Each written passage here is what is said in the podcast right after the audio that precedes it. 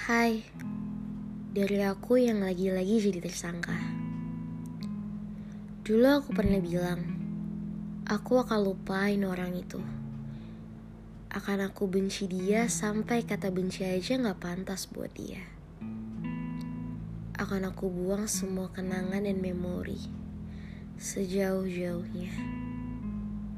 Aku juga pernah bilang, jangan lagi jatuh ke lubang yang sama.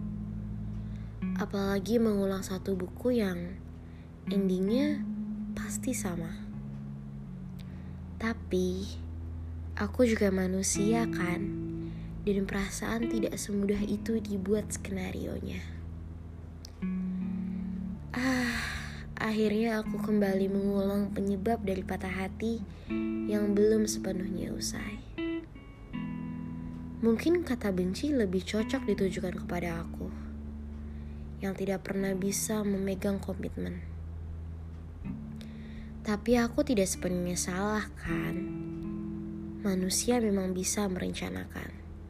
Tapi Tuhan maha membolak-balikan hati. Jadi begini saja, pesanku untuk diriku sendiri.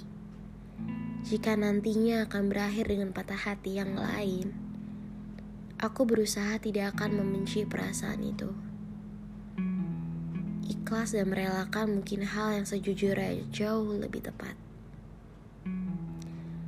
Aku mengulang sebuah kejadian karena keinginanku sendiri, dan aku akan siap jika hasilnya tidak sesuai ekspektasiku lagi.